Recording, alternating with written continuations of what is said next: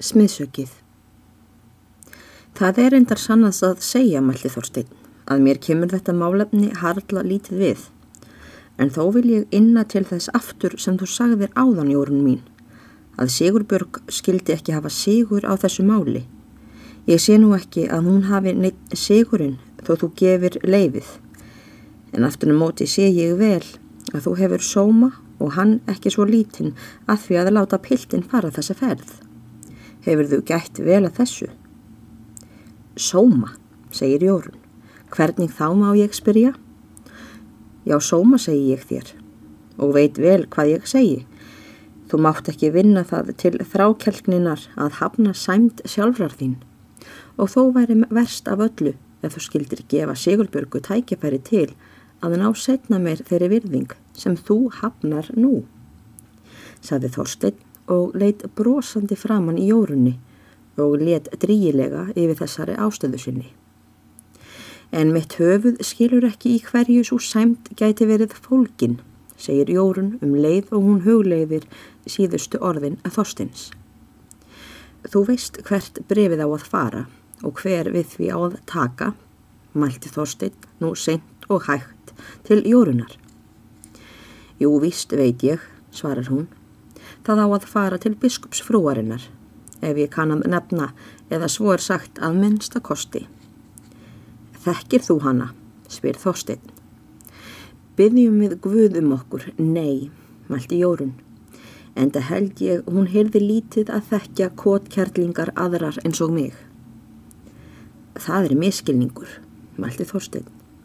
Það er öðru nær um þá konu. Ég hef oftar en einu sinni komið að skálholti og þekki mig þar vel. Ég hef oft talað við frúna og ég hlítið að votta það sem satt er að það er einhver mestu öðlingur og ljúminni sem að getur hugsað sér og höfðinglunduð eftir því þar sem hún tekur tregðinni. Og væri ég í þínum spórum, Jórun, þætti mér ófært að hafna því tækifæri sem nú býðist til að komast í kynni við slíka konu. Gáðu vel að því að það eru ekki margar biskupsfrúrnar á landi voru.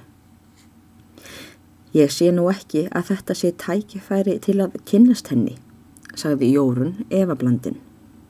Jú, svaraði Þorstein, þú hefur tækifærið einmitt nú og talaði nú Þorstein í lagri róm en áður.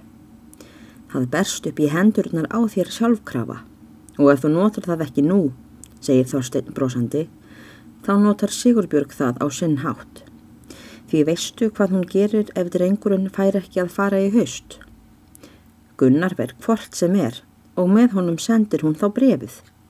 Síðan skrifar hún frunni með manni sínum og segir satt frá öllu að aðalsteinn hafi ekki fengið að fara og þá kemst hún í kunningskap við frúna og hefur að líkindum heiður af öllu saman. Og hvað hefur þú svo? En ég kynnist henn ekki hót þó ég leifi drengnum. Vist gerir þú svo og því skildi það ekki vera, sagði Þorstein og gerir sér nú sem best sannfærandi við jórunni. Þú sem ert húsmóðil piltsins, þú sem nú ert önnur móðir hans, þú ert það sem sendir hann í þessa ferð með brefið til frúarinnar. Já, það er ekki Sigurbjörg á neðstabæ, heldur ert það þú sem býr drengin út að öllu leiti og kemur fram við þetta tækifæri eins og hans önnur móðir.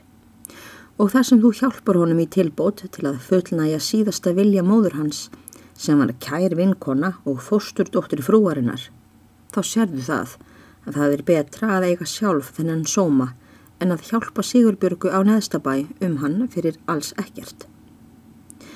Þú átt að vist að komast í besta kunningsskap við frúna þér að fyrirhafnar lausu. Því segi ég það, þú skalt ekki hafna tækifærinu að komast í kunningskap við slíka konu sem biskupsfrúin er í skálholti. Og grunnar mig að þú munir eðrast eftir ef þú hafnar því. Þorstein sagði allt þetta reyndar af sannfaringu. Hann bjóst í rauninni við að svo myndi hljóta að fara sem hann spáði hér og að kunningskapur myndi komast á milli frúarinnar og jórunar ef hún gerði sem Þorstein reð henni. En hitt að ekki varð af þessum kunningskap síðar. Það kom á ástæðu sem Þorstinni reyndar var ókunn í þetta skipti. Á meðan Þorstin var að tala hafði Jórun tekið upp tóbakspungin sinn og brett upp á hann um leið og hún reyri lítið eitt áfram. Tóbakskornin sem hún hafi fengið á milli gómanna let hún líða með mestu hægð upp í nasirnar um leið og hún hlustaði til tölu Þorstins og leit hún beint framundan sér á meðan. Að því búnu sneri hún upp á pungin eftir vanda og vistaði hann nú í pilsvasa sínum. Síðan er Þorstin tók málkvíld og hætti að tala, tók Jórun til orða og mælti. Ég má játa Þorstin að ég hef nú aldrei íhugað þetta allt saman eins vel og ég sé að þurft hefði. Flas er ekki til fagnadar, segja menn, og það er satt. Það væri reyndar nógu gaman að því og það því fremur sem engin af hinnum konunum hérna í dalnum. Ég veit reyndar ekki um konuna þína, er í neinum kunningskap við frúna. Þá væri það ekki fjari. En Þorstein, það er ekki víst að það sé svo auð hlaupið ofan á það. Hvað heldur þau um það? Ójú, svaraði Þorstein og talaði nú nálega í hálfum hljóðum við jórunni. Þegar pilturinn fer, þá sendir þú frúnni náttúrulega alúðar hverju þína og þakkar henni fyrir hver vel hún hefur reynst bæði drengnum og móður hans. Síðan lætur þú eitthvað, eitthvað smávegis fara með drengnum, eitthvað svona sem þú heldur að frúnni geti komið vel í svipin.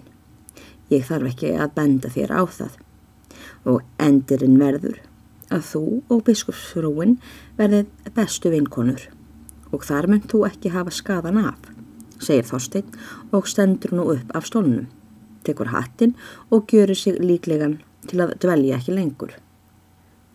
Nei, nú máttu ekki fara svo brátt Þorstein, mælti Jórun og síndist verða bild er Þorstein stóð upp. Ég á eftir að spyrja þig um svo margt áhærandi frúna fyrst þú ert henni kunnugur. Blessuð verdu, ég er búin að slóra allt of lengi hjá þér núna jórun mín. Ég hrættur um að mér bætist ekki kaupamadurinn með þessu lægi. En komdu einhver tíma yfirum til mín, þá getum við talað saman í betra næði. Nú má ég með engum móti dvelja lengur. Ég þarf að finna mannin þinn, svo þarf ég að ríða heim til að segja fyrir um meðferð á heginu og líklega rýð ég í kvöld fram á sveit ef maðurinn þinn getur ekki líknað mér. Að þessu sérðu að margt kallar að. Meðan Þorstein talar, setur Jórun enn á stólsínum og verðist hugleiða með sjálfur sér. Hún tók ekki til máls, þá er Þorstein þagnaði. Svo mikið hafði hún að hugsa að hún síndist tæplega gæta þess er framfór.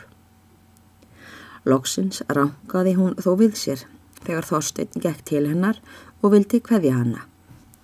Hún spratt þá upp og mælti. Þorstein, heldur þau ekki að þú gætir undir þínu nafni fengið hann Gunnar Karlin á neðstabæ til að flytja í haust einn smérfjörðung vestur til Árnisíslu úr því hann ætlar í ferðina því að ég vil ekki byggja það þess sjálf eins og þú skilur. Ha, heldur þau ekki mætti koma því í kring laglega? Ekkert er auðveldara, svaraði Þorstein. Láttu smérið koma yfir til mín þegar þú vilt. Ég skal fá gunnar til að flytja það fyrir mig og ábyrgist þér að það skal komast á sinn stað.